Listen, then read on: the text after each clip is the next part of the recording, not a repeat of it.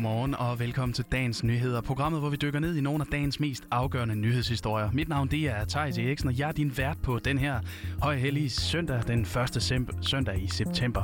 Og et hurtigt nyhedsoverblik, det lyder altså således. Vi skal et smut forbi Tokyo i Japan, hvor vi altså tager et lille recap på de paralympiske lege, som slutter i dag. Og vi skal også tilbage til det danske igen, hvor vi skal på en demokratifestival. Men øh, inden vi kommer så langt, så skal vi altså se på flagdagen for Danmarks udsendte soldater, som bliver markeret i hele landet. Og øh, traditionen tro, ja, så snupper vi altså også lige nogle avisforsider til sidst. Så velkommen til dagens nyheder. Og øh, som jeg sagde, så er det altså i dag søndag, at der bliver hedret og mindet danske soldater og andre udsendte i hele landet. Og det er altså udsendte soldater, frivillige, Røde Kors, alle udsendelser på danske missioner, som altså har været udsendt på baggrund af en beslutning truffet af en regering, et folketing eller af en minister. Og øh, flagdagen den omfatter altså de samme grupper som det nationale monument over Danmarks internationale indsats efter 1948.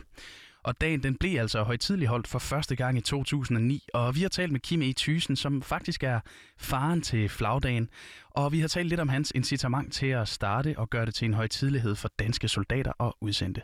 2006, hvor jeg er udsendt på øh, hold 1 øh, Helmand i Afghanistan. Og øh, egentlig oplever en, en støtte fra øh, den amerikanske del og den britiske del til deres soldater, øh, som vi ikke havde set øh, man til, øh, til danske soldater. Det udspringer så lidt af det, at, at bare sådan en ting som en vejrudsigt, øh, vi så nede i Camp Bastion-lejren, der egentlig viste, at vi har soldater i, i øh, Afghanistan, vi har soldater i Irak, vi har soldater her, og vi har soldater her. Og i de kommende dage, der ser vejrudsigten ud øh, som øh, sådan og sådan og sådan. Øh, og samtidig med vil vi samtidig med sende en masse hilsner til vores øh, soldater om, at de har det godt osv. Og, og det var jo sådan en, en lille ting, men den betød bare rigtig meget, kunne man mærke på de amerikanske og de britiske soldater. Og vi tænkte, det kunne egentlig være fedt at, at få lov til at, at have en støtte, en synlig støtte øh, hjemmefra. Og Kim Thysen forklarer altså også, at det særligt var en kamp i Afghanistan, der fik ham til at føle, at de manglede noget støtte hjemme fra Danmark. Og så udvikler vores opgave sig nede i Afghanistan til, at vi sidder i, øh, i byen Musakala og, og er i, i meget hæftige kampe. Faktisk nogle af de hårdeste kampe siden 1864. Og, og efter den tur, så, så bliver det mere og mere kan man sige, synligt for os, at, at den her støtte, hvad den egentlig kan betyde. Fordi det at vide, at der er nogen, der faktisk sætter pris på det, man gør, når man kan miste livet for, for den indsats, man, man yder, den vil bare være, det vil være så stærkt øh, og, og, og betyde så meget for os. Så, øh, så øh, når vi egentlig får ros dernede og, og så videre fra de britiske og amerikanske soldater, så handler det om, øh, at det er Danmark, der får rosen, det er de danske soldater, der får rosen, det er, det er vores land, og, øh, og ikke den enkelte øh, persons øh, navn eller personlighed, der får støtten. Men, men det er simpelthen Danmark, der får den. Og Kim han fik så i gang sat det her projekt, og den første flagdag, det blev altså så til virkelighed i 2009. Og det vil altså også sige, at vi kører på 12. år med dagens flagdag. Håbet var jo, at det handlede ikke om at hylde, eller, eller øh, at sige, at I var ikke bare seje. Det handlede om, at, at, øh, at man skulle støtte øh, dem, der er udsendt. Man skal mindes dem, der, der desværre er faldet. Og, øh, og man skal give et skulderklap til dem, som, som har haft det svært øh, efter de er kommet hjem. Og kl. 12.00 så er der grænsenedlægning på Kastellet, hvor kronprinsparet sammen med repræsentanter for regeringen er blandt deltagerne, og forsvarsminister Trine Bremsen vil tale der. Kl. 14.15 der er der gudstjeneste i Holmens Kirke, også med deltagelse af blandt andre kronprinsparet og repræsentanter fra regeringen, og her der vil udenrigsminister Jeppe Kofod tale. Og fra kl. 15.45 er der parade på Christiansborgs Slotsplads, hvor kronprinsparet og, you guessed it, repræsentanter for regeringen også deltager. Og her der taler blandt andre statsminister Mette Frederiksen. Øh, det betyder rigtig meget. Øh, det, det rører mig. Øh, utrolig meget, at, at dagen udviklede sig. Øh, når man også tager den fra, fra, den fra den første gang, hvor man ikke helt vidste, hvordan skulle man ja, hvordan skulle vi bygge det op, hvordan skulle det være, og der var en masse, der havde nogle idéer, og, og så det, det er i dag. Øh, og, og som du selv siger, at, at det har jo udviklet sig til at blive i hele landet, og de fleste kommuner, og, og så videre. Og, og dagen har jo også det her islet af, af, af på kastellet, jamen der har vi øh, den hvad man siger, den lidt mere øh, officielle øh, hvad man sige, mindeceremoni over dem, vi, vi desværre har tabt øh, i, i kamp for, for en bedre verden. Og så har vi også talt med polymeren i Årslev, hvor de altså lokalt også holder højtidligheden. Og det er altså Søren Isaksen, der ligesom Kim Thysen også har været udsendt til Afghanistan, som står for højtidligheden der. Jamen, jeg synes det er rart, at man øh, ligesom viser en vis respekt over for de mennesker, der har taget en chance i livet for at gå ud og redde andre mennesker og prøve at, at gøre noget for, for freden. Og så selvfølgelig også for dem, der har betalt en helt høj pris for at have været med. Så nogle, øh, for nogle mennesker kan det måske ikke give den store, fordi de får ikke noget tilbage af det. De får måske ligesom et, et minde og en respekt omkring øh, deres, øh, om det er bror, søster, søn eller mand eller hvad det er, at de har mistet, så får de jo ligesom en, en respekt for det. Eller hvad skal man sige, en tak, eller hvordan man nu skal udtrykke det. Jeg tror, det er sådan forskelligt, hvordan man ligesom opfatter dagen, afhængig af, hvordan det er. Fordi man kan sige, for dem, der har været sted, der har vi jo det, det der kalder en faktor 8. Så dem, der har været skadet af sted eller kommer hjem, der er der otte personer, som regel i familien, som, som har nogle øh, udfordringer med det bagefter af forskellige slags. Endelig hvis deres far har været sted og kommer hjem med ikke nødvendigvis, øh, så kommer der måske hjem lidt psykisk skade, og det kan give noget på forældre og koner og børn og, og venner af det. Så der er mange, der er berørt af den dag. Og fra Laud ønsker vi også en rigtig god flagdag. Og så skal vi her dagens nyheder også runde Demokratiets Genklang, som altså starter søndag kl. 10. Og det er en slags demokratifestival, som de selv beskriver det. Og Stine Bosse, som er frivillig formand for Europabevægelsen og formand for Plan Børnefonden, hun kan helt præcis beskrive, hvad sådan meningen er med en demokratifestival.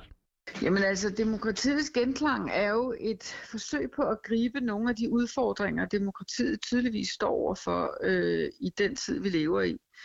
Øh, og, det, og der er mange ingredienser øh, i det. Der er både teknologi, der er øh, hastighed, øh, og så er der selvfølgelig også øh, forskellige niveauer af, hvor demokratiet udspiller sig. Både i det politiske, øh, i civilsamfundet, og øh, for den sags skyld i skolen. Så, så det er for mig er det i hvert fald øh, mange elementer og mange planer, øh, og et forsøg på at gribe, hvor er der noget galt, hvad gør vi ved det, og hvor kan vi fejre, at øh, tingene faktisk virker. Og til festivalen kommer der også flere prominente navne, for programmet er fyldt med toppolitikere, provokerende billedkunst, prominente meningsdannere og poetisk musik. Og så er der også mange politikere her blandt Lars Løkke Rasmussen og Maj Villassen. Og alt sammen, der har det altså til formål at sætte politik på dagsordenen, og så skal der altså også debatteres.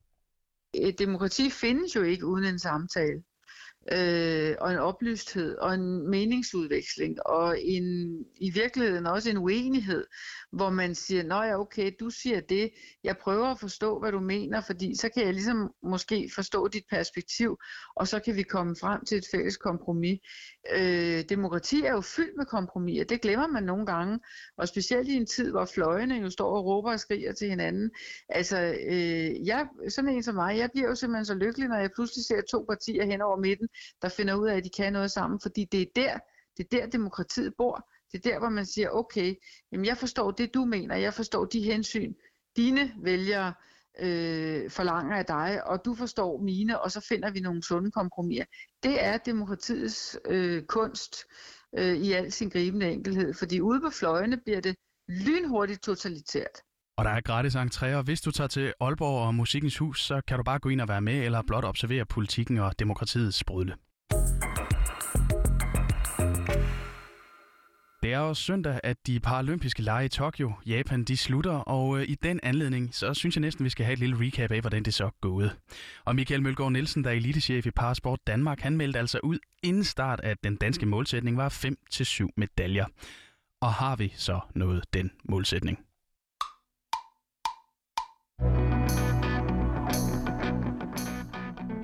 Okay, here we go. Kom så Danmark. I forgårs, altså den 3. september, der vandt øh, Lisa Gessing en guldmedalje i Taekwondo. Det var den første medalje i hus. Så var der den 28. august, der battlede Peter Rosenmeier mod amerikanske Seidenfeld i bordtennis. Og han tabte desværre den kamp, men han fik en sølvmedalje, og det er så to medaljer så far til Danmark. Samme dag, der var Daniel Wagner med i længdespring i atletik, og han var udråbt som det helt store håb i en PL. Og han sikrede altså Danmark en bronzemedalje. Så var der tre medaljer i hus. Så har vi debutanten Tobias Thorning Jørgensen. Han er dressurrytter, og forventningerne de var altså meget høje til ham og hans hest Jolene inden opstart. Der var han nemlig nummer et på verdensranglisten. Og den 27. august, der var han i aktion i den individuelle dressurkonkurrence, og der sikrede han sig del med en guldmedalje. Fire medaljer i hus til Danmark.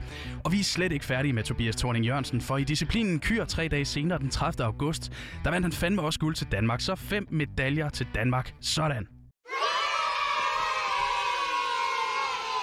Ja, vi nåede målsætningen. Fem medaljer, tre guld, en sølv og en bronze, og samlet så sluttede Danmark på en 40. plads over nationer med flest medaljer. Og ja, det lyder måske ikke lige så fedt, når vi sætter det op på den måde, men altså, vi nåede målsætningen med flotte præstationer. Førstepladsen den gik til Kina, der samlet skaffede sig 200 medaljer, og det var 93 guld, 57 i sølv og så 50 i bronze. Og så når vi her til sidst lige en enkelt avisforside. Den kommer fra Jyllandsposten, som skriver, at landets overlæger på hospitalerne de i snit bruger fire timer mindre på patienter, end de gjorde for 10 år siden. Og årsagen den er, at tiden den bliver brugt på administration og opgaver, som overlægerne altså mener, at andre faggrupper godt kunne løse for dem. Det viser en undersøgelse for Overlægeforeningen ifølge Jyllandsposten. Og overlægernes formand Lisbeth Linds fortæller til avisen, at situationen altså er ganske alvorlig, og hun frygter for både kvaliteten i behandling, men også for overlægernes helbred.